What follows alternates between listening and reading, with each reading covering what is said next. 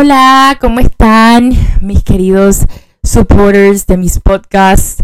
Este, bueno, feliz lunes. Este, espero que tengan un bonito inicio de semana. Este, les estoy haciendo este podcast porque este, muchos de nosotros tenemos nuestros propios celebrity crushes. Yo sé que muchos de ustedes seguramente les gusta Kristen Gray o te gusta un tal Liam Hemsworth y y, o, el de, o el italiano este de 365, que ese hombre está guapísimo.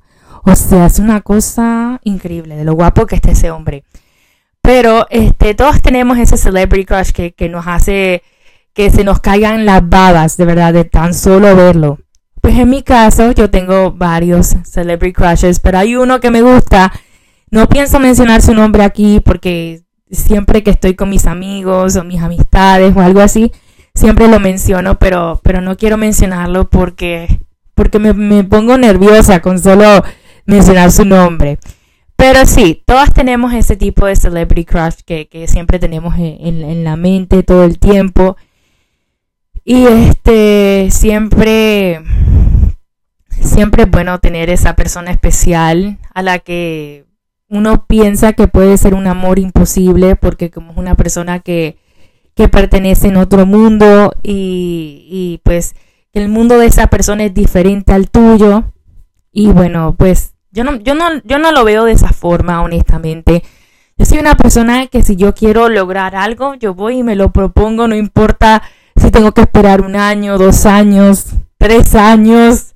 O sea, yo, yo trato y, y para poder lograrlo.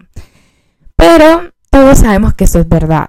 Así que lamentablemente yo soy el tipo de persona que a veces me decepciono porque yo digo, pero es que yo traté de poder hacer esto posible, yo traté de, de poder compartir con esta persona que siempre he querido compartir. Además, esta persona siempre está mega ocupada, siempre tiene una agenda súper llena. Además, esta persona pues no vive en Estados Unidos. So, imagínate, eso es un poco más difícil todavía. Este, pero siempre lo veo en televisión, siempre lo veo en sus novelas y cosas.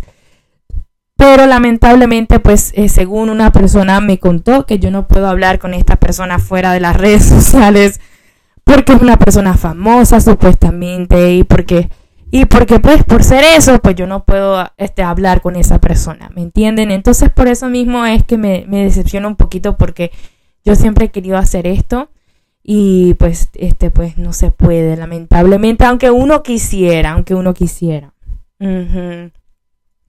Y mucha gente me pregunta oye Kiara todavía estás pensando en él y yo bueno no te puedo mentir pero que lo hago todo el tiempo sí lo hago todo el tiempo.